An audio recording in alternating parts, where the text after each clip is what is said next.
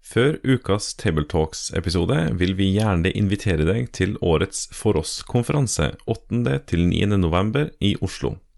Under overskrifta Hel og hellig inviterer vi til å være med og grave litt dypere gjennom seminarer, bibeltimer, panelsamtaler og god mingletid. Se foross.no for mer informasjon og påmelding. Velkommen.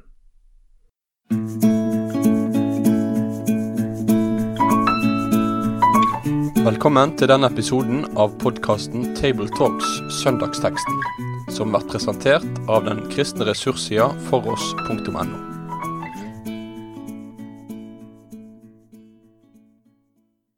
Velkommen til en eh, ny episode av Tabletalks. Rundt bordet i dag sitter Jorunn Sjåstad jeg er redaktør i Bibeldisiplin Logos.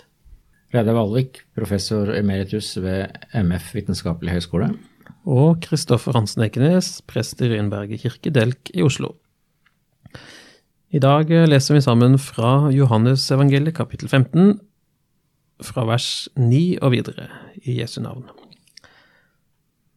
Som Far har elsket meg, har jeg elsket dere. Bli i min kjærlighet. Hvis dere holder mine bud, blir dere i min kjærlighet, slik jeg har holdt min fars bud og blir i hans kjærlighet. Dette har jeg sagt dere for at min glede kan være i dere, og deres glede kan bli fullkommen. Og dette er mitt bud, dere skal elske hverandre som jeg har elsket dere. Nå kjente jeg at jeg hadde egentlig lyst til å fortsette, eh, men teksten vår stopper egentlig der. Eh, Men la meg først si noe om akkurat eh, han har sagt beskjæringa av denne teksten. Den kommer jo fra eh, en større sammenheng, eh, selvfølgelig, som bibeltekster alltid gjør. Eh, I Johannes 15, hvor Jesus åpner med å si 'Jeg er det sanne vintre, og min far er vinbonden'. Det er det som er sammenhengen som disse ordene nå faller i. Og hvis vi hadde lest videre fra der jeg nå klarte å stoppe, i vers 12, så står det fra vers 13 om at ingen har større kjærlighet enn den som gir livet for vennene sine. Og så fortsetter han å snakke fortsatt i vin, vintremetafor om eh, at eh, de troende er utvalgt til å bære frukt. Så det er liksom det som omgir teksten sånn helt nært her i Johannes 15. Og det første jeg har lyst til å snakke litt om i dag, er faktisk eh, tilbake til Det gamle testamentet. Jesus sier der i første vers i kapittel 15 at 'min far er vinbonden'. Eh, Og min far er jo da Gud, eh, og eh, her er han i ganske god gammeltestamentlig ånd. Fra Jesaja kapittel 5 så finnes det et ganske, ganske kjent en, en sang, faktisk, om, om vingården, hvor Gud da er vinbonden, som har planta en vingård. Eh, og så viser det, Vingården viser det seg at det er et bilde på, på Jerusalem og på Guds folk. Eh, så skildrer han der i da Jesaja 5, fra vers, eh, vers 5, så er det tydelig at vingården har båret dårlig frukt. Han har fått beske druer, kan vi lese i, i, i vers 4 der. Og så lyder domsordet fra Gud. Han vil føre det i eksil, og han vil la vingården, dvs. Si Jerusalem, bli en slagmark, en ødemark, eh, som ikke lenger bærer preg av å være en vingård, men nettopp noe helt annet. Den blir forlatt. Eh, Så det er et sånn eh, ganske etablert eh, bilde i Det gamle testamentet av Israel som vingård, og, Gud som da vinbonden. Eh, Og i Det nye testamentet så er det jo Jesus da her i, eh, Johannes 15 som bygger videre på det, og sier ja, min far er vinbo, vinbonden, og da sier han om seg sjøl at han er vintre. Og videre så tar jo òg Paulus faktisk tak i dette i Romerne 11 og snakker om eh, Israel som, eh, som roten, og det er han fortsatt i, i vintremotivet, eller i hvert fall tremotivet, og at hedningefolkene eh, er greiner som plantes eller podes inn på den egentlige stammen, mens noen av de opprinnelige greinene da skjæres av pga. sin vantro.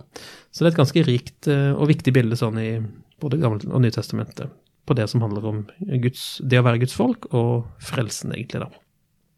Og så er vi inne i dagens tekst, da, eh, fra vers 9. Som far har elsket meg, har jeg elsket dere. Bli i min kjærlighet. Det knyttes sammen med å holde Jesu bud. Det er kanskje noen overraskende ting å legge merke til når det er snakk om kjærlighet og bud. Er ikke det egentlig motsetninger da? Er ikke hos Johannes iallfall. Eh, eller Jesu forkynnelse Johannes evangeliet. Eh, og det er jo viktig Nå har du skissert opp sammenhengen som det står i, og jeg tror det er viktig å, å, ha med seg den, for her er det snakk om å bli i min kjærlighet, sier Jesus. Eh, og når man da ser på de foregående versene om vintreet, så sier jo Jesus, taler Jesus om på tilsvarende måte, bli i meg, så blir jeg i dere. Og der er det forutsetningen av at muligheten for å bære frukt er jo at man er i vintreet, eh, er en del av vintreet. Hvis ikke man er det, så kan man ikke bære frukt. Det er jo en ganske sånn selvsagt observasjon, egentlig, fra Jesu side. Det kan man si, eh, men når vi da skal ta det over i vår tekst, 'Bli i min kjærlighet', så tenker jeg at det sier noe av det samme at det å bære frukt, eh, det er jo å følge Guds bud og gjøre gode gjerninger, for å si det sånn. For eh, den eh, kjærligheten som man har fått del i, eh, den skal også da vises i ens gode gjerninger, nemlig å elske hverandre.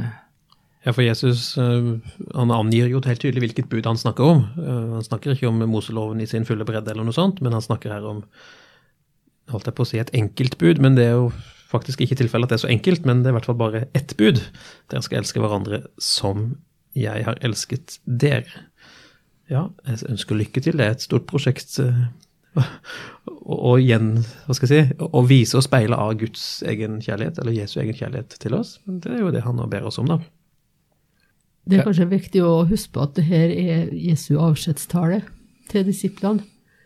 Sånn at uh, han forbereder dem på at de skal være uten han. Og litt senere ute i kapitlet så kommer jo løftet om Eller i neste kapittel så kommer jo talsmannen, Den hellige ånd, som skal være sammen med dem og rettlede dem. Men eh, som utgangspunkt er det at de skal holde seg nede til Han. Og det er, det er veldig fortetta sagt, det her, da. Som far har elska meg, har, elsket, har jeg elska dere. Bli i min kjærlighet. Altså, hold dere i Guds kjærlighet, sier vel uh, Judas, uh, Judas brev. Hold dere i Guds kjærlighet mens de venter på at Jesus skal komme igjen. Så det der å ikke sprenge av sted, men, men holde seg nede til, det er jo en kjempeutfordring, tenker jeg, for oss For det at vi så gjerne vil videre.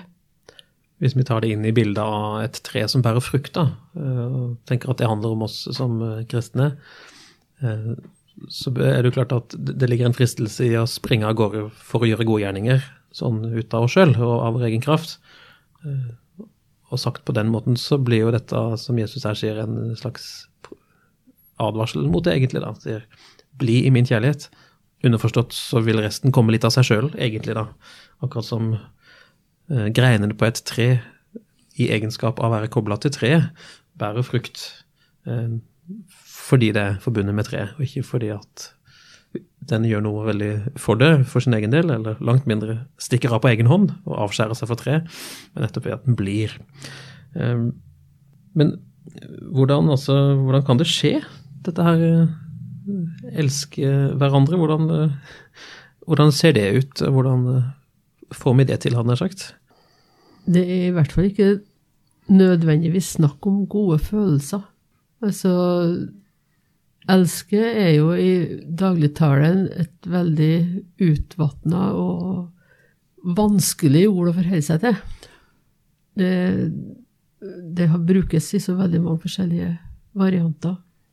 Så derfor kan det føles litt fremmed, tenker jeg. Mm. At vi skal elske vår neste som oss sjøl. Men, men, det er jo det han sier. Det er jo noe av det referansen han har her. At vi skal elske Gud, altså far, og så vår neste som oss sjøl. Det er jo det liksom budene samles opp i. Og det var jo ikke følelsene som Jesus har, som gjorde at han frelste oss. Det var jo det han gjorde, som gjorde det. Da er vi litt tilbake til den uh, saken i, i Nehemja 9 som vi var inne på eh, en gang tidligere, hvor Guds barmhjertighet knyttes til eh, hans trofasthet. Mm. Og kjærlighet og trofasthet eh, og barmhjertighet i og for seg henger jo på mange måter sammen. Det er jo sånn som du snakker om nå. Det er ikke de gode følelsene først og fremst, men viljen til troskap, om du vil. Som ja, og til, og, til å, og til å gjøre det som er godt for, for den neste. For som du og da fortsetter med i teksten etterpå, at, at han vil gi livet sitt for oss. Det er det, det er hans kjærlighet. Sånn vises hans kjærlighet. kjærlighet Det er ikke bare i vår tid at det på en måte har flere uttrykk. Tenker jeg på liksom I bibelspråket så er jo rommer kjærlighet, i hvert fall i norsk oversettelse, det rommer litt flere grunnbetydninger, eh, på gresk i hvert fall. Alt fra sånn vennskapelig kjærlighet og erotisk kjærlighet til noen selvoppofrende kjærlighet som i Bibelen knyttes til Gud og hans vesen og Jesus, da, først og fremst.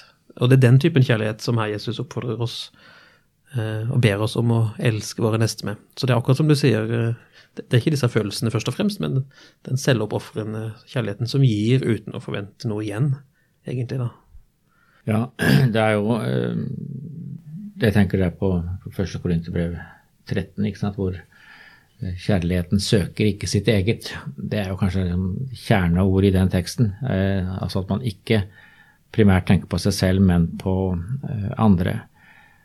Og det kan hende at denne teksten her er litt sånn vanskelig i luthersk sammenheng, når det står 'Hvis dere holder mine bud, eh, blir dere min kjærlighet'. Vi vil helst ikke at det skal være noe sånn derre hvis og noen betingelser og slike ting. Eh, Fordi man alltid har understreket at eh, det er Gud som eh, alene står for frelsen, og vi, våre gjerninger spiller ingen rolle.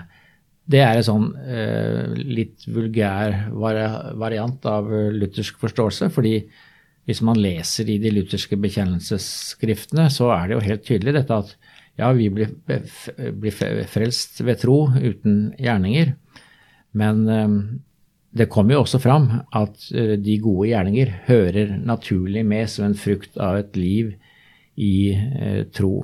Så eh, Paulus har jo dette uttrykket 'tro virksom i kjærlighet'. Jeg tror vi må passe på at vi i luthersk sammenheng ikke dropper det siste.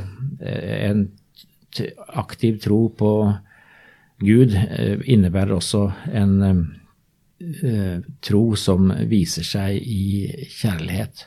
Ja, for det du er inne på nå, høres ut som en ganske vanlig innvending mot luthersk teologi, at den på en måte er litt for godt egnet til å sy puter under armene på folk.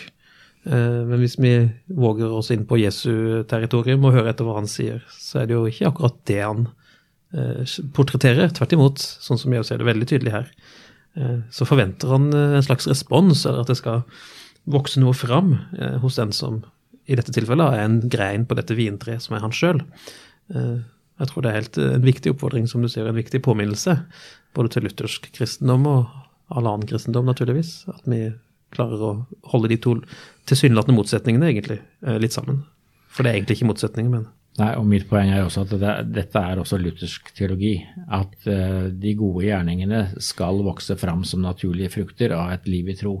Eh, det er ikke luthersk å si at gjerningene ikke spiller en rolle. Jo, de gjør faktisk det. De er ønsket av Gud. Og det er mange tekster som den vi nå leser, som understreker at eh, det gjelder å holde Guds bud. Men da er det altså ikke snakk om alle slags eh, bud i Moseloven, men det er først og fremst dette med å elske hverandre. Og så er det jo interessant at denne teksten her er jo på sett og vis litt snevrere enn det dobbelte kjærlighetsbudet, fordi her er det at man skal elske hverandre, altså disiplene skal elske hverandre. Eh, og det står jo i denne teksten eh, at dette å elske hverandre, eh, det er på sett og vis et kjennetegn på at man eh, hører eh, Gud til, eller hører Kristus til. I Johannes 13, altså et par kapitler før vårt, så kom jo Jesus for første gang med et utsagn om å elske hverandre. Og da sier han et nytt bud gir jeg dere, dere skal elske hverandre. Som jeg har elsket dere, skal dere elske hverandre. Ved dette skal alle forstå at dere er mine disipler, at dere har kjærlighet til hverandre. Så Der har man altså en, en annen side ved dette her, at eh, den innbyrdes kjærlighet mellom troende er et, eh, et vitnesbyrd, på sett og vis, eh, om eh, Guds kjærlighet. Eh, og som viser at man hører eh, Kristus til. Og vi har jo et utsagn fra Tertulian eh, omkring år 200 som sier at hedningene registrerte dette. Eh, at hedningene sa 'se hvor høyt de elsker hverandre'. Og så fører han til at de er til og med vilje til å dø for hverandre. Og det er jo helt i tråd med denne teksten. Og særlig hvis vi føyer, føyer til vers 13, altså 'ingen har større kjærlighet enn som gir livet for vennene'. Kjærlighet viser seg da i konkret handling. Å gi livet sitt i denne sammenheng trenger ikke nødvendigvis å bety gå i døden, eh, men i hvert fall å Det kan det bety. I Jesu tilfelle betydde det jo absolutt det. Men jeg tenker vi kan kanskje også tenke på en sånn type selvoppofrende eller hengiven eh, praksis. Jeg tenker faktisk på diakoni eh, som en aktuell størrelse her. Eh, det å ut av sin tro og den nåde Gud gir en, å virke eh, for både brødre og søstres vel i, innad for menigheten, men òg utover. At det egentlig er en veldig sånn god respons på det Jesus her eh, ber oss om å, å gjøre. Jeg, jeg, leste fra Johannes 13. Det kan også være aktuelt å ta med en annen johannesk tekst, nemlig fra 1. Johannes brev, som også er sånn veldig supplerende til vår tekst. I 1. Johannes brev kapittel 5 så sies det i de første versene enhver som tror at Jesus er Kristus, er født av Gud.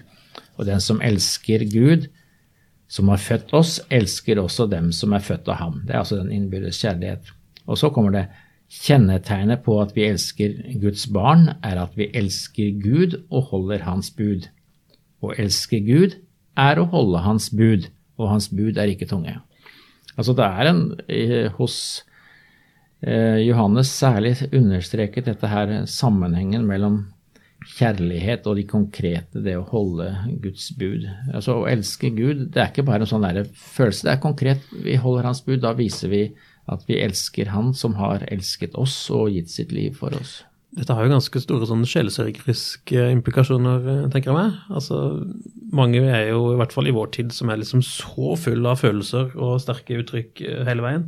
Så er det ganske befriende på en måte å bli minnet om at uh, kjærlighet til Gud ikke først og fremst handler om at man skal føle det så vennlig sterkt. Det kan man jo gjerne gjøre, selvfølgelig. Det er jo ikke noe i veien for det, tvert imot.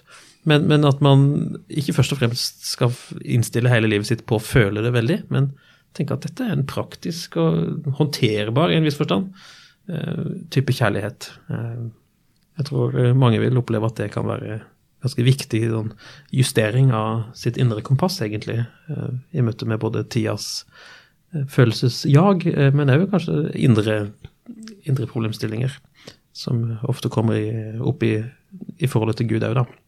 Så tenker jeg det at eh, det å, å, elske sånn som Gud elsker oss, det er jo å være en refleks, ikke et lys.